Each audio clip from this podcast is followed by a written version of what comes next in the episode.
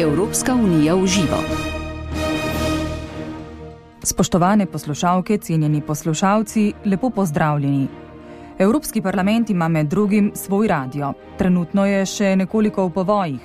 Da bi bilo kmalo drugače, se trudi najvišji slovenski uradnik v ustanovah Evropske unije. Projekt je predstavil novinarjem, ki so se nedavno mudili v Bruslju na povabilo pisarne Evropskega parlamenta v Sloveniji. Med njimi je bil tudi naš sodelavec Tone Gorjub. K spremljanju rubrike Evropska unija v živo vas lepo vabim Helina Škrlec.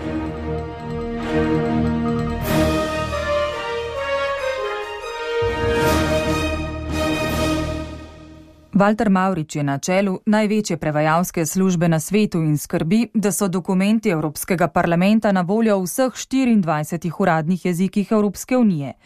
Zato letno prevede približno pol drugi milijon strani. Prevajalci so tisti, ki v pisarnah ali pa v kakršnih koli prostorih imamo, v glavnem pišejo ne, in se jih niti ne vidi toliko. Zato veliko krat, ko rečemo prevajalci, se pomisli takoj na tiste, ki sedijo v kabinah v parlamentu in govorijo in tolmačijo. Je pojasnil Maurič, ki je odgovoren za 1300 prevajalcev. Ti so sicer nastanjeni v Luksemburgu. Kot navdušen jezikoslovec je poskrbel, da je Evropski parlament dobil tudi svoj radio. Kaj imajo prevajalci pri tem? Sigurno boste rekli, to je delo, ki ga mora kdo drug opravljati, ali novinar, ali nek tehnik. Ampak v parlamentu smo se odločili, da najprej naredimo neko raziskavo in primerjamo parlamente z drugimi parlamenti.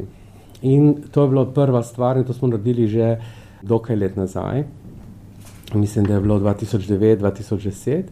In tam se je videlo, da ena izmed stvari, ki imajo vsi drugi parlamenti, vsaj tistih, s katerimi smo se mi primerjali, to so bili pet držav, tam imajo vsi neke programe, radijski parlamentarni kanal ali pa televizijski parlamentarni kanal.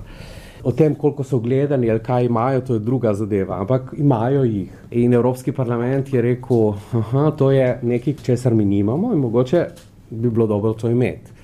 In takoj na začetku je bilo to označeno kot rdeča pika na parlamentu. Ne? Imamo zelo veliko stvari, ki smo zeleni, nekatere smo rumeni, nekatere imamo celo zvezdico, da smo najboljši, kot je prevajalska služba, ker se nimamo niti s kom primerjati. Ampak za radio in za televizijo imamo rdečo piko. In šefi so rekli, ok, to je treba malo pogledati na taka hiša, kot je Evropski parlament, to mora imeti.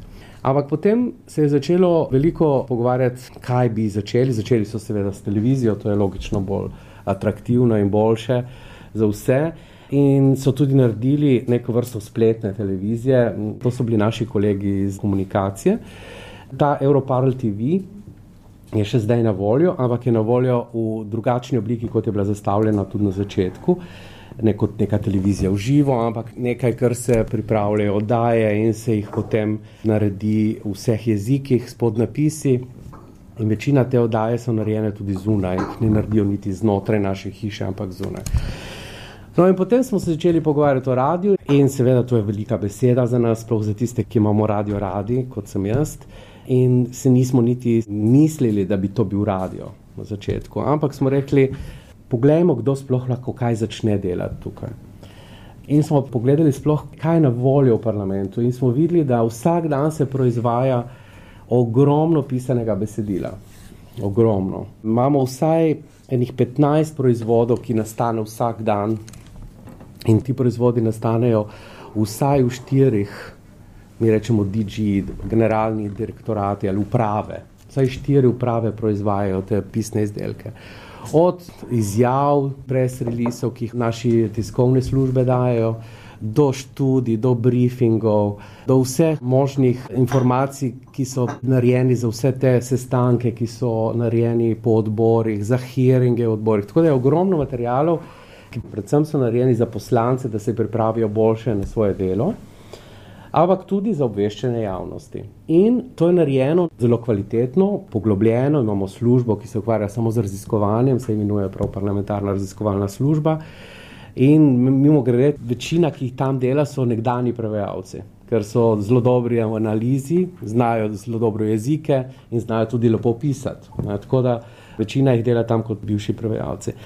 Ampak ne samo to, to je res namenjeno glavnem eh, poslancem, Ampak tudi ne vsem, samo tistim, ki jih zanima to področje, ki rabijo tudi za raziskovanje pri tem, kako bodo glasovali, kakšno stališče bodo zauzeli in tako naprej.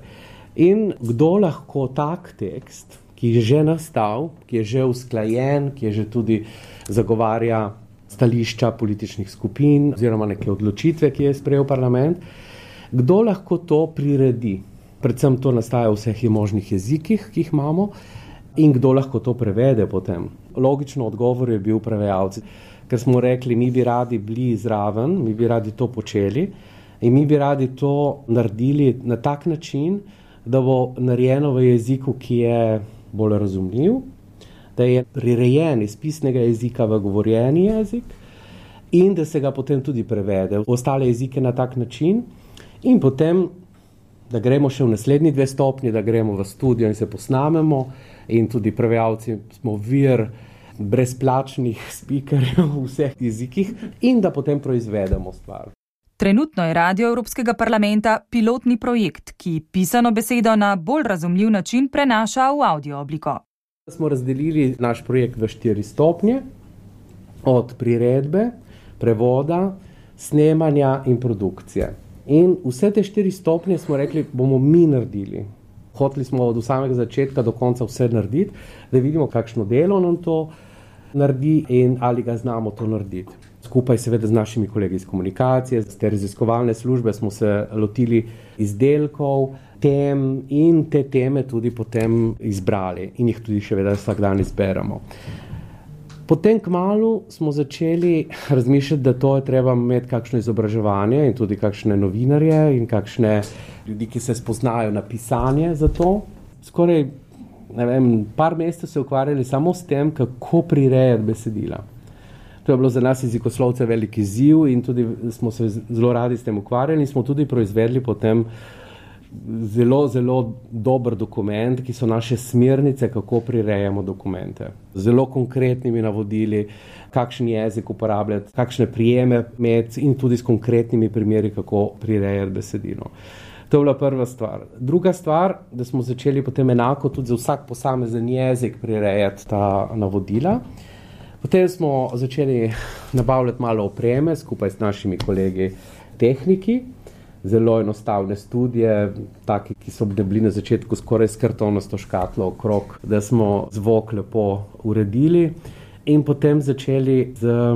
Smo še zdaj na, na začetku, da smo okrog 150 spikerjev izobraževali in imeli neke vrste treninga za nekega vrste usposabljanja za glas. Ampak ne takšnega, kot je v Sloveniji, ampak tudi izobraževanje samo se je imenovalo Voice Pilates v smislu, da se učimo od drže pred mikrofonom, in potem smo začeli delati. Radio Evropskega parlamenta je začel oddajati letos pomladi, točneje na Dan Evrope, ki smo ga zaznamovali 9. maja. Link je sicer javni in vsak lahko do tega dostopa, ampak še vedno smo v pilotni fazi, zato ni še tako javno vse.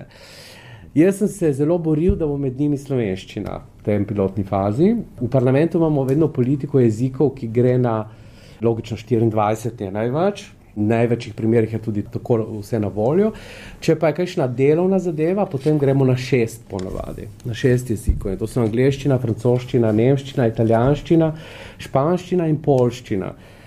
In jaz sem uporabil en trenutek, ko se je dalo to narediti, da sem nadomestil polščino s slovenščino in da sem rekel, da bi rad testiral na državi kot je Slovenija, ki je zelo radiofonična, ki ima zelo rada radio, da bi radi testirali tudi, kako mogoče preko lokalnih in regionalnih radijev, mogoče kakšen program tudi, da se unese v njihove programe. In smo bili zelo veseli, ko smo začeli sorazmerno hitro sodelovati z Radijem 94 iz Postojne in mrežo, samo z enim proizvodom, Ta proizvod so kratka poročila, ki so vsak delovni dan.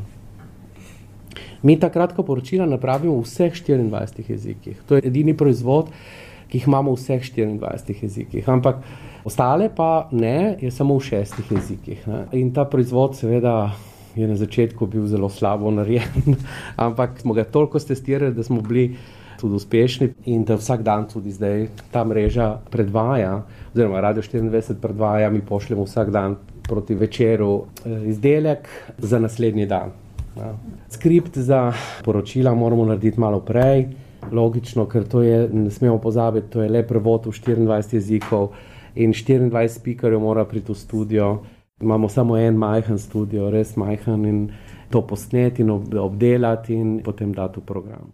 Tako je Walter Maurič novinarjem, ki so se nedavno na povabilo pisarne Evropskega parlamenta v Sloveniji mudili v Bruslju, predstavil radio Evropskega parlamenta.